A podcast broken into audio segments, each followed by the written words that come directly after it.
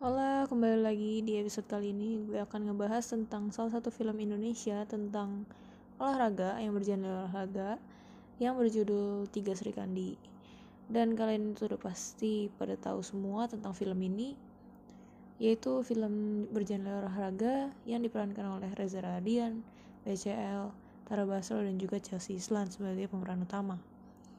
Uh, sedikit sinopsis tentang Tiga Sri Kandi ini uh, seperti yang kalian tahu bahwa film ini itu mengangkat kisah nyata dari para atlet panahan putri Indonesia yang bernama Nur Fitriana, Lilis dan juga Kusuma yang uh, berusaha keras memperjuangkan mendapatkan medali di Olimpiade uh, pada tahun 1988 di Seoul Korea. Dan uh, ini juga melibatkan pelatih mereka yaitu Donald Pandiangan yang merupakan mantan atlet panahan putra pada zaman itu juga. Nah, review dari gue itu tentang film ini adalah uh, gak tau ya, gue tuh kalau ngelihat atlet-atlet entah itu atlet apa pun itu ya olahraga selalu merinding gitu apalagi ketika mereka memang memenangkan uh, olimpiade memenangkan perlombaan. Dan itu sungguh-sungguh merinding gitu kalau gue nonton.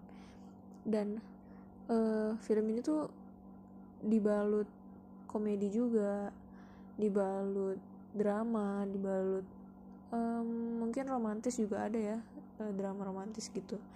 Dan uh, kalau bisa dibilang sih ini lebih 80% 80% sampai 90% itu lebih kepada drama daripada olahraganya nggak tahu ya atau memang ceritanya seperti ini atau uh, memang film ini kurang mengangkat kurang mengutamakan dari kegiatan olahraganya gue juga nggak tahu.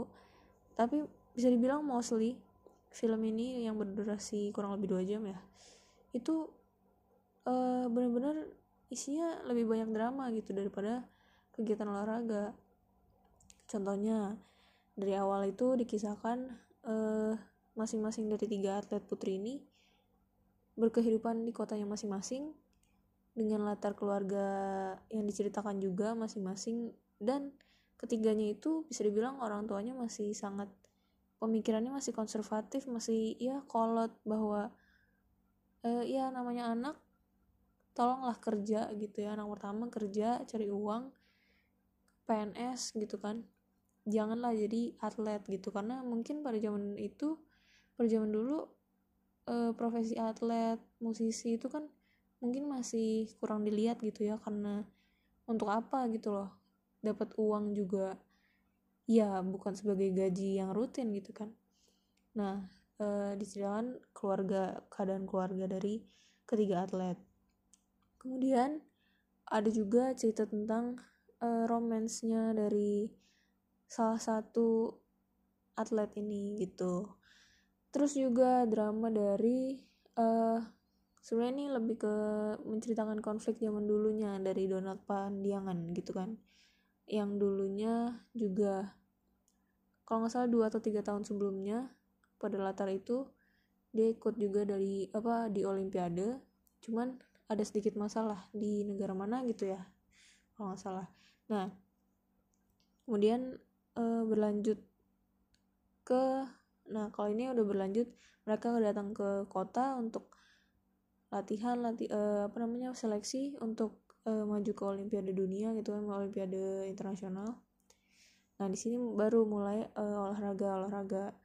Kemudian gak cuma itu balik lagi kita ke drama yaitu pada saat seleksi sudah selesai mereka bertiga tinggal di uh, satu villa ya satu bukan villa sih. Kayak rumah yang mungkin disewain untuk oleh Donald Pandiangan untuk mereka berlatih gitu konsentrasi. Untuk berlatih di Olimpiade di Korea gitu kan.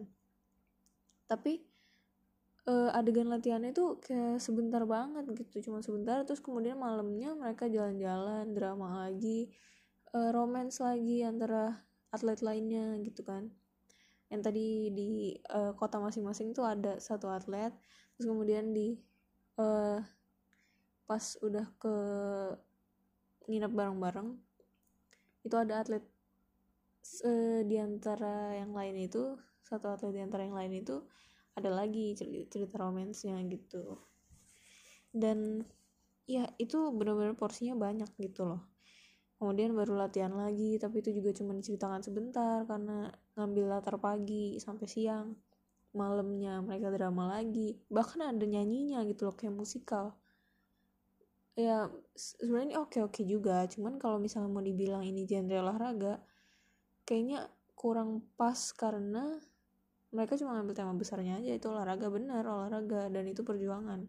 Dan olahraganya itu cuman di uh, apa ya diutamakan ditonjolkan itu pada durasi durasi terakhir pada saat mereka udah mulai melaksanakan olimpiade itu gitu. Pada saat mereka udah mulai lomba. Cuman pas awal-awal sampai ke tengah itu mereka masih ada drama-drama. Bahkan Donald ya nanti kalian nonton sendiri deh takutnya spoiler yang berlebih.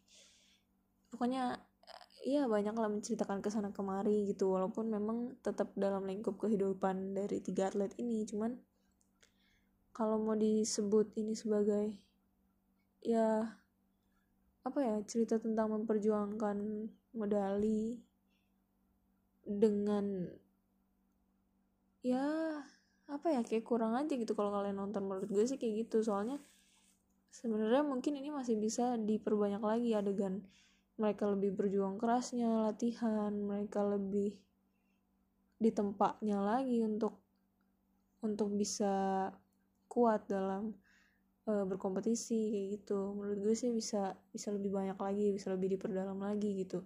Dan bisa lebih dapat lagi tempaannya kepada penonton kayak gitu loh.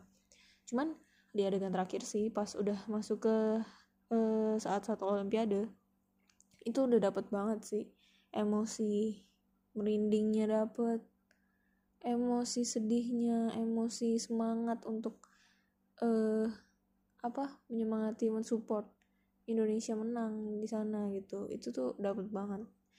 Gue nonton pun juga sampai merinding gitu pas mereka memang menang mendapatkan medali menang menang olimpiade. Dan juga sempat ada sedihnya pada saat uh, mereka gagal dalam satu pertandingan kayak gitu. Nah masuk ke review sosiologi menurut gue di sini tuh ada uh, teori pertukaran sosial di mana antara Lilis Nurfitriana dan juga Kusuma dan juga Donald Pandiangan itu tuh punya uh, punya apa ya pertukaran sosial gitu antara mereka berempat di mana Donald Pandiangan memiliki skill buat mengajar tiga atlet ini ditukar dengan kemampuan daripada atlet ini untuk memberikan kepuasan dan kebanggaan kepada Donald sebagai pelatih untuk menang, untuk bekerja keras. Terus juga antara tiga atlet ini memberikan pertukaran sosial emosional, uh, support gitu kan, support uh, lahir dan batin kayak gitu.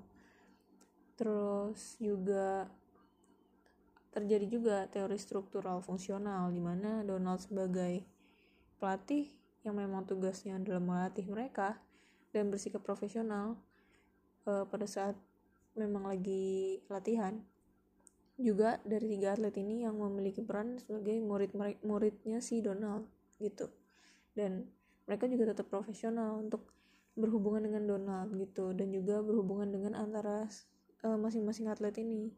Kalau sedang latihan ya mereka sebagai atlet. Calon bukan calon atlet ya memang sudah atlet. Terus tapi kalau di luar jam latihan mereka tetap uh, berkomunikasi dengan baik gitu dan tetap santai dan tapi tetap saling menghormati juga kepada Donald gitu. Bahkan juga ada adegan uh, jalan bareng mereka gitu ada yang jalan bareng bersama dengan uh, Donald si pelatih gitu. Kemudian mungkin uh, ini bukan termasuk kepada solidaritas ataupun kelompok masyarakat tapi kita uh, tapi saya lebih melihat kepada pola pikirnya. Mungkin ini bisa masuk ke game and scuff uh, di mana pemikiran dari orang tua para atlet ini itu masih ya mungkin bahasanya kolot ya. Masih konservatif uh, pengennya anak bekerja yang pasti-pasti aja yang kerja di perusahaan kerja di pemerintahan PNS misalnya ya yang pokoknya kerja dapat uang kerja dapat uang pasti gitu tiap bulannya ada. Dan bukan sebagai atlet yang yang mungkin di pandangan orang-orang zaman dulu itu orang-orang yang ya mungkin belum modern gitu ya namanya.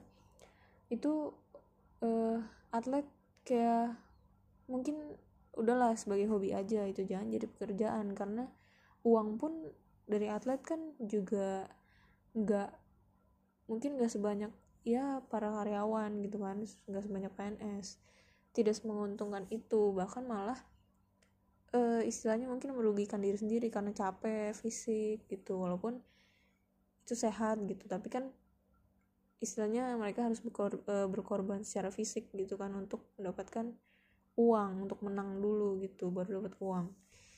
Uh, itu bisa dilihat sih dari pemikiran itu yang masih belum modern gitu loh dari para orang tua dan mungkin lingkungan sekitarnya juga kayak gitu ya mikirnya. Makanya orang tuanya juga masih berpikiran uh, ya belum maju lah gitu.